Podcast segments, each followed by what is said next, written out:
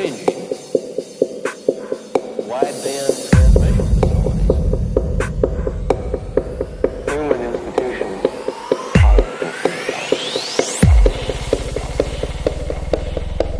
There is some resistance to changes